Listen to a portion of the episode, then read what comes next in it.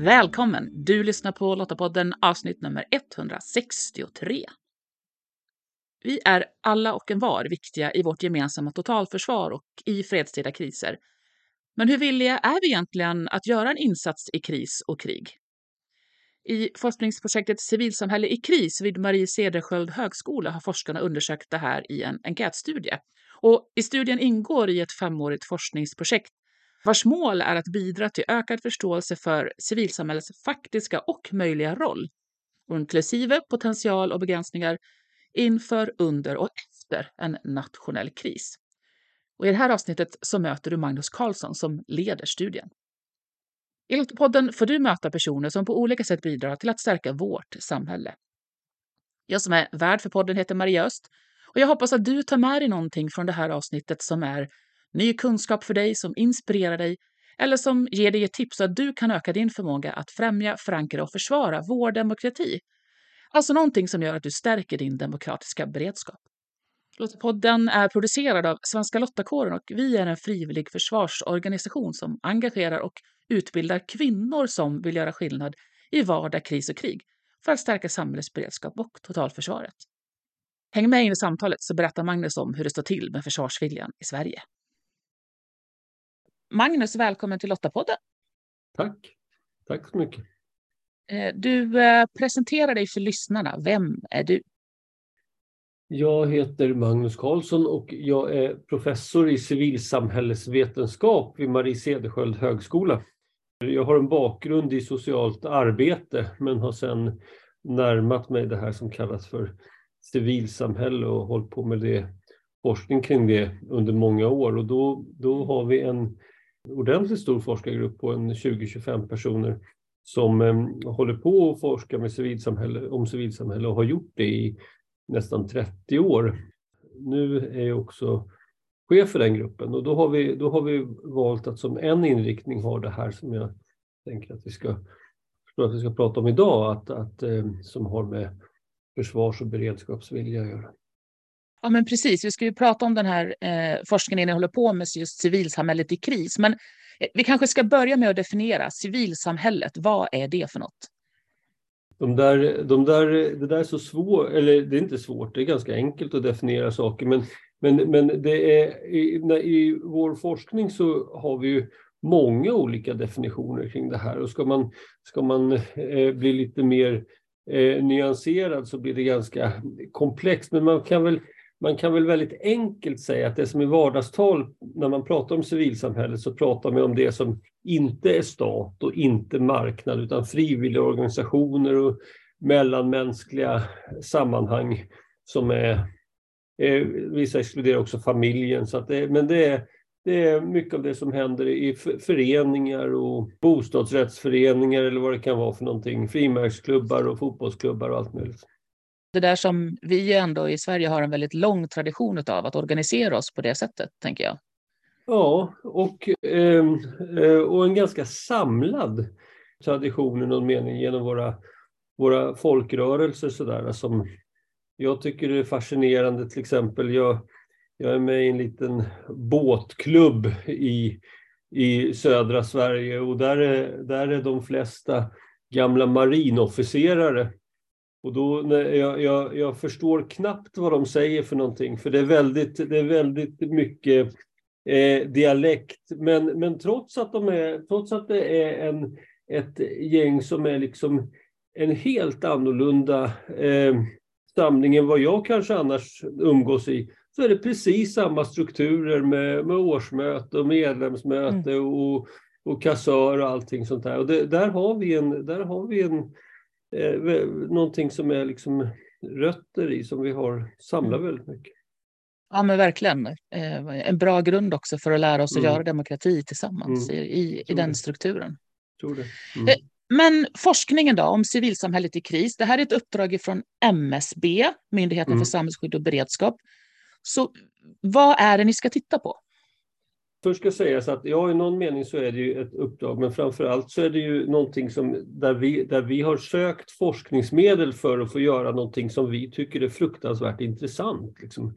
Det började egentligen i tanken, vad, vad, händer, vad händer om alla de här vanliga institutionerna slås ut fullständigt? Hur, när människor börjar organisera sig, hur kommer man att göra då? Liksom sådär? Och utifrån det föddes då tanken om att vi, vi ville se hur, hur, hur agerar människor när det, är, när det blir en, en samhällskris och ytterst då kanske krig? Eftersom vårt intresse framför allt handlar om det civila samhället så, så la vi ju liksom den förståelsen på det här och tänkte hur kommer folk att organisera sig? Vad, vad är man beredd att göra? Hur kommer fotbollsklubben att agera i ett sånt här fall? Hur, eh, man kan ju tänka sig antingen, och jag, jag har hört båda varianterna, föreningar som säger att ja, vi vill verkligen vara med om det händer någonting. Vi, om det bränner till så vill vi verkligen göra en insats. Och andra föreningar som säger nej, vi håller på med det här, vi håller inte på med kris. Liksom. Det, är inte, det är inte vår grej. Men eh, så där finns verkligen både och. Och vi har ju sett det i närtid. Vi såg det under pandemin hur olika organisationer, Svenska kyrkan bland annat, var ute mycket och gjorde, gjorde insatser eh, kring pandemin. Och, och man, mm.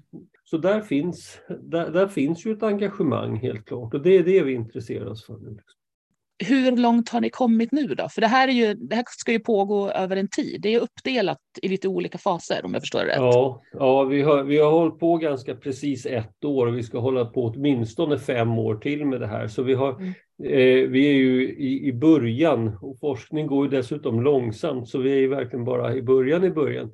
Men det som är intressant är ju att vi har gjort en studie nu där vi har frågat 5000 svenskar om, om deras dels hur de organiserar sig men också om deras försvars och krisinsatsvilja och beredskap.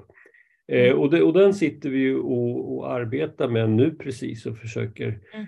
Försöker analysera. Så, där, så, så, och där, där hittar vi ju eh, Ja, det, det, är ju jättespännande att se. För, för att mäta försvarsvilja har man ju gjort återkommande. Det har man ju mm. gjort länge i Sverige. Men, men, men att mäta så att man kan ställa det i relation till sådana här frågor som om, om man är lycklig eller tror på Gud eller vilket parti man röstar på eller någonting sånt där. Det, är ju, det, det har ju inte riktigt gjorts tidigare så där, där, där håller vi på att arbeta nu. Och vad har ni sett för intressanta saker här? Jag tänker att, för här har ni ju tittat på både om man då ja, men till exempel är medlem i en frivillig försvarsorganisation eller mm. inte och lite olika tvärsnitt av de här människorna? När man gör sådana här studier så är det ofta så att man ser någonting först och sen så måste man försöka förstå det för ofta så finns det en massa saker som förklarar varför det ser ut så. Mm. Alltså det kan, och jag kommer kanske tillbaka till det, men ett slående sånt där första resultat det är ju att, att eh, svenskarna i väldigt hög utsträckning säger att man, man, man vill vara med och försvara och man vill vara med och hjälpa till vid kriser. Alltså, nio av tio svenskar vill, vill vara med om det skulle hända någonting. Liksom. Och det är ju, det är ju ett internationellt sett väldigt högt resultat. Sen en, en intressant eh, del som vi ser i den här studien det är att vi, vi frågar om både det här med krig och civila kriser, alltså till exempel skogsbrand eller storm eller någonting sånt där. I vanliga fall när man mäter försvarsvilja så pratar man ju bara om, om i, i relation till militära händelser. Så där. Genom att vi ställer frågor om båda så kan vi se att, att det är också högt i båda delarna. Det är ju det är både ett stort engagemang när det gäller de militära men också de civila frågorna. Så det ett känns ju väldigt tryggt. Ja, ja det, troligen så gör det det. Sen kan man ju, sen har ju då funnits invändningen att ja, det, kan, det kanske är för att Sverige faktiskt inte har varit i krig på 200 år. Liksom. Eh, vi kanske är lite naiva här. Eh, så skulle det kunna vara. Mot det igen så skulle det kunna vändas att ja, men vi har faktiskt funnits eh, mitt i brinnande krig vid ett antal tillfällen även om vi inte har deltagit. Liksom. Så, att, mm. men, men, men, det kan man ju resonera för eller emot. Men men det finns också en del sådana där glädjande resultat som att du vet den här Eh, krisinsatslådan som blir allt större som vi ska ha hemma. Eh, den ehm, tror jag, om jag kommer ihåg rätt, att det, det, även MSB förmedlar att den är ju inte till, framförallt till för dig själv utan den är ju till för de, de svaga och behövande. Liksom sådär. Alltså, vi ska kunna hjälpa varandra. Och då har vi frågat om människor är, är beredda att hjälpa varandra med sina krislådor. Eh, och, och en, en, väldigt stor, stor del av befolkningen svarar att ja, det är väl rimligt att göra det. Eh, lite överraskande stor del. Sådär. Så, att, så att jo, jag, jag, jag blir ändå lite glad av att läsa de här resultaten. Så. Mm. Sen kan man se, om man tittar lite närmre på det, så kan man se att, att eh, eh, svenska män i högre grad än svenska kvinnor Eh, är villiga att göra sådana här, det, det, vi kallar för, hur ska jag säga, eh, hårdare insatser, alltså där man, där man är med i, i, i stridande funktioner eller riskerar eget liv och, och sådär. Men, men tar, man, tar man på de mjukare delarna där man kanske inte riskerar eget liv eller en stridande funktion utan en hjälpande funktion i annat fall, då försvinner skillnaderna mellan män och kvinnor. I, I, vissa delar så ser vi att det finns ganska stora skillnader mellan män och kvinnor. Om man tar till exempel det här med skulle du, vara, skulle du vara beredd att om Sverige blev anfallet att i en stridande roll med fara för eget liv försvara landet så säger sig, om jag kommer ihåg det rätt, ungefär 40 procent av de svenska männen att de är mycket villiga att göra det, medan bara 12 procent av de svenska kvinnorna säger, säger det. Så det är ju, där har vi en ganska stor skillnad, men de försvinner som sagt när vi ska säga, blir mer allmänna i, och lite, lite mjukare i, insats, i insatstyperna så att säga. Oh, Gud vad spännande att grotta mer i vad som ligger bakom det. För jag, ja. jag, jag får ju flera stycken fantasier vad som ja. skulle kunna ligga bakom. Ja, och en, en, en, hur ska jag säga, ganska tråkig men, men också intressant förklaring verkar ju vara att jo, men, om, alltså, må, många av de svarande männen har ju gjort lumpen. Det är väl ganska rimligt att om man, om man har förberett sig för någonting så, så är man också mer beredd att kliva in i det. Liksom så. Där så, så ser vi också det att, att det som, det som eh, verkar påverka viljan att, att göra några insatser eh, framför allt, det är just det här med om man känner sig beredd eller inte. Mm. Eh, mm. Och, och, och då blir det ju intressant för om, man, om, om, det, om det faktiskt är ett resultat som står sig och om det är ett resultat som vi bygger vidare på, då, då blir ju också de här, alltså att man faktiskt utbildar människor för att göra insatser, både när det gäller civila och militära insatser, mm. blir ju då väldigt viktigt. Jag tycker det låter väldigt logiskt att just, ja men ja. om jag har tänkt igenom, jag har övat och tränat, så förstår jag vad jag ger mig in och jag känner att jag har kompetensen att klara av den här rollen. Så, så där är ju ofta forskning, att det, det är ju sällan vi kommer över, hitta sådana här samband mellan skostorlek och, och försvarsvilja, liksom, utan det är ju, det är ju ofta är det ju sådana där, eh, ja, så borde det ju mm. vara. Det är ju inte så mm. konstigt. Det ger faktiskt en signal om att just det här med utbildning och träning och förberedelse mm. är en viktig grej. Sen är det ju, sen är det ju någonting som jag eh, tycker är lite intressant i det här sammanhanget. Det är alltså att nio personer av tio är beredd, säger sig vara villiga att göra en insats, är, är, har en, en hög försvarsvilja. Ändå så är det uttalat från statsmakterna att man ska höja försvarsviljan. Jag, jag ser det som att vi har en exceptionellt hög försvarsvilja. Jag tror att, mm. jag tror att eh, flyttar man sig neråt eh, söderut och västerut i Europa så ligger försvarsviljan på 30 procent ungefär. Liksom så. Mm. så vi har ju en exceptionellt hög försvarsvilja i Sverige och ändå så vill vi höja den och det är ju intressant. Mm, då kan man undra man vad logiken i det är. Ja, alltså, alltså eh, det, det, det, det, vet vi att kostnaden för att, att få locka över de där ytterligare 5 procenten från 90 till 95 procent, den mm. är ju antagligen ganska hög. Liksom sådär, eftersom mm. de, det, det, är ju, det är ju en lite, ganska liten avgränsad grupp som inte, inte är så sugna. Liksom. Ett, viktigt resultat är att nej, men, det här verkar ju finnas en, en förankring bland folk mm. att göra sådana här insatser. Och då kanske det snarare handlar om hur stärker vi och bibehåller det och, och bekräftar den viljan? Ja, och sen så tror jag också, om nu som sagt med reservation för att, att de här, vi är mitt uppe i att arbeta kring de här resultaten, så om, om det står sig det vi ser nu, att, att det faktiskt är i en del, en högre del män än kvinnor som känner sig redo för sånt här, då skulle man ju också faktiskt kunna tänka sig att det här är en jämställdhetsfråga, för det, det, mm. det är någonting, alltså att, att, att få till en beredskap bland både män och kvinnor så att, mm. eh, så att man eh, också ser till att de nivåerna kommer i paritet. Bland de som nu har svarat på enkäten, mm. Eh, så har ni sett några skillnad i just viljan att, att eh, göra en insats? Om, om, det, om man har, är, det en, är det en skillnad mellan de som är engagerade i, i en förening och de som inte är det? Ja, det verkar finnas vissa skillnader, men givet, givet att engagemanget är så högt bland hela befolkningen så, mm. så blir de skillnaderna de blir ju ganska små. Liksom. Jag ser ju till exempel, ehm, och jag, jag tjatar om det, men det är ju så att när man sitter och analyserar data så här så kan det så kan det helt plötsligt så kan det ändras lite grann för man ser att jaha, det är därför som den siffran är. Men det vi ser nu, det är att ehm, eh, man är lite mer engagerad om man, om man är med i föreningar och framförallt om man är med om man är med i många olika typer av föreningar, då verkar det som att Alltså är man helt enkelt en föreningsmänniska, då, då, är man mm. också, eh, då verkar man också vara mer engagerad i sånt här.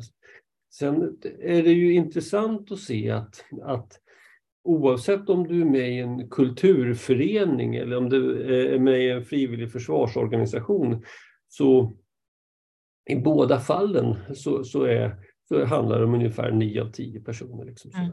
De frivilliga försvarsorganisationerna ligger lite högre men, men överhuvudtaget att man är organiserad och framförallt då när man är organiserad i, i många organisationer mm. eh, verkar, verkar ha en betydelse. Nu har ni ju då jobbat ett år. Ni har börjat med den här första delen och börjat mm. nosa på, på vad det skulle kunna eh, få för resultat. Eh, och ni har ett antal år kvar. Så vad, vad är liksom nästa steg nu då? Vad jobbar ni med nu? Jo, men, men dels så ska vi försöka, nu har vi tittat på hur individer resonerar kring det här. Och vi kommer också fortsätta kika på hur individer resonerar när det gäller det här som vi pratade om alldeles nyss, eh, deras, deras organisationsengagemang och de här frågorna, hur det, hur det så, så där kommer vi att fortsätta arbeta en hel del, för det är ju det som är huvudfokus med vår, vår studie. Men sen kommer vi också att, att titta på organisationerna och prata med organisationerna eh, kring hur, hur de ser på det här. Det. Och, och vad, vad, vad de har för beredskap och vad de tänker sig att eh, ha för roll i en sån här situation. Och där, där, där finns det ju eh, lite, lite eh, slarvigt uppdelat så finns det, det finns organisationer som, som liksom eh, mer eller mindre har som huvuduppgift att finnas i sådana här och det, mm. dit räknas ju de frivilliga försvarsorganisationerna. Sen finns det ju andra organisationer som har det som någon slags biuppgift eller vad man ska säga. Som, eh, där, eh, Svenska kyrkan är kanske ett exempel där. Som, mm. det, är, det, är, inte deras huvudsakliga uppgift men de har ändå en uppgift om det bränner till. Liksom.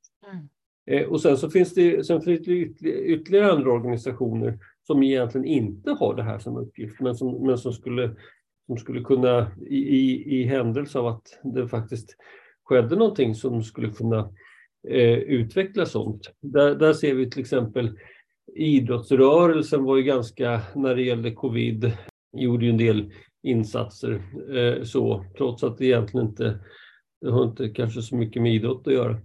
Och sen så finns det ju den här typen av organisationer som uppstår i och med en kris. Alltså, alltså där, där inte organisationen finns inte innan utan att den skapas i krisen så att säga.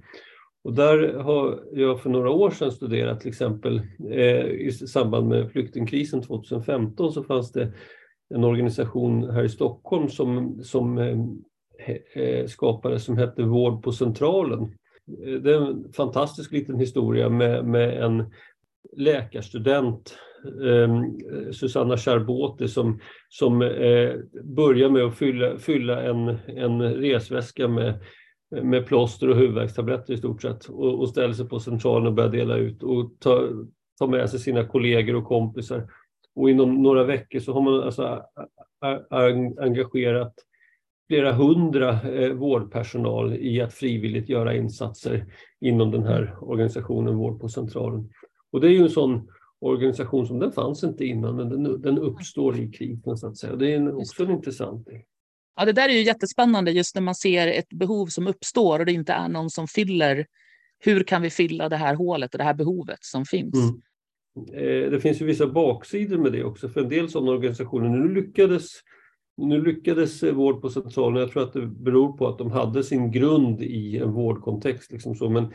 men annars, så, annars så tror jag att många sådana där organisationer som skapas på Facebook och internet på olika sätt, de, de, dels så saknar de utbildning så i, i hur man hanterar, eh, så, så man blir, man eh, gör saker lite virrigt, men sen, men sen också så saknar man uthållighet, alltså att man gör väldigt mm. mycket under en kort tid och så rasar det ihop. Mm. Liksom sådär. Mm. Eh, så, och där, där är ju de, de stora organisationerna mycket duktigare och mycket mer strukturerade på det här. Så det är, det är en sån balans. Och, och där ligger ju spänningsfältet att ta hand om engagemanget och inte döda det, men kanske få in det på ett sätt som blir strukturerat och inte hindrande också. Mm. Precis så. Precis. Ja, mycket spännande ni har framför er helt enkelt. Verkligen. Eh, Magnus, tack så jättemycket för att vi fick titta lite och eh, få insikter i det ni, så långt ni har kommit nu. Och så ser vi ju fram såklart att få återkomma när ni, får, eh, när ni kommer med nya resultat. Ni är alldeles välkomna att göra det. Det ska bli roligt. Tack ska du ha. Jag blir såklart väldigt glad av att höra att nio av tio vill göra en insats och att vi är beredda att hjälpa varandra. I en kris eller ett krig så är verkligen inte ensam stark, utan det är tillsammans vi klarar oss.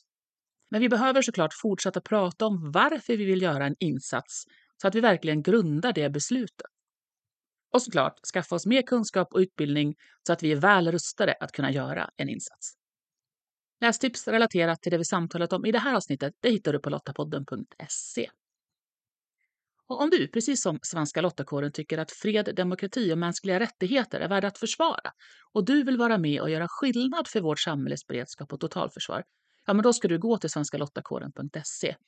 Där hittar du information om hur just du kan göra skillnad. Nästa avsnitt av Lottapodden kan du lyssna på den 13 april.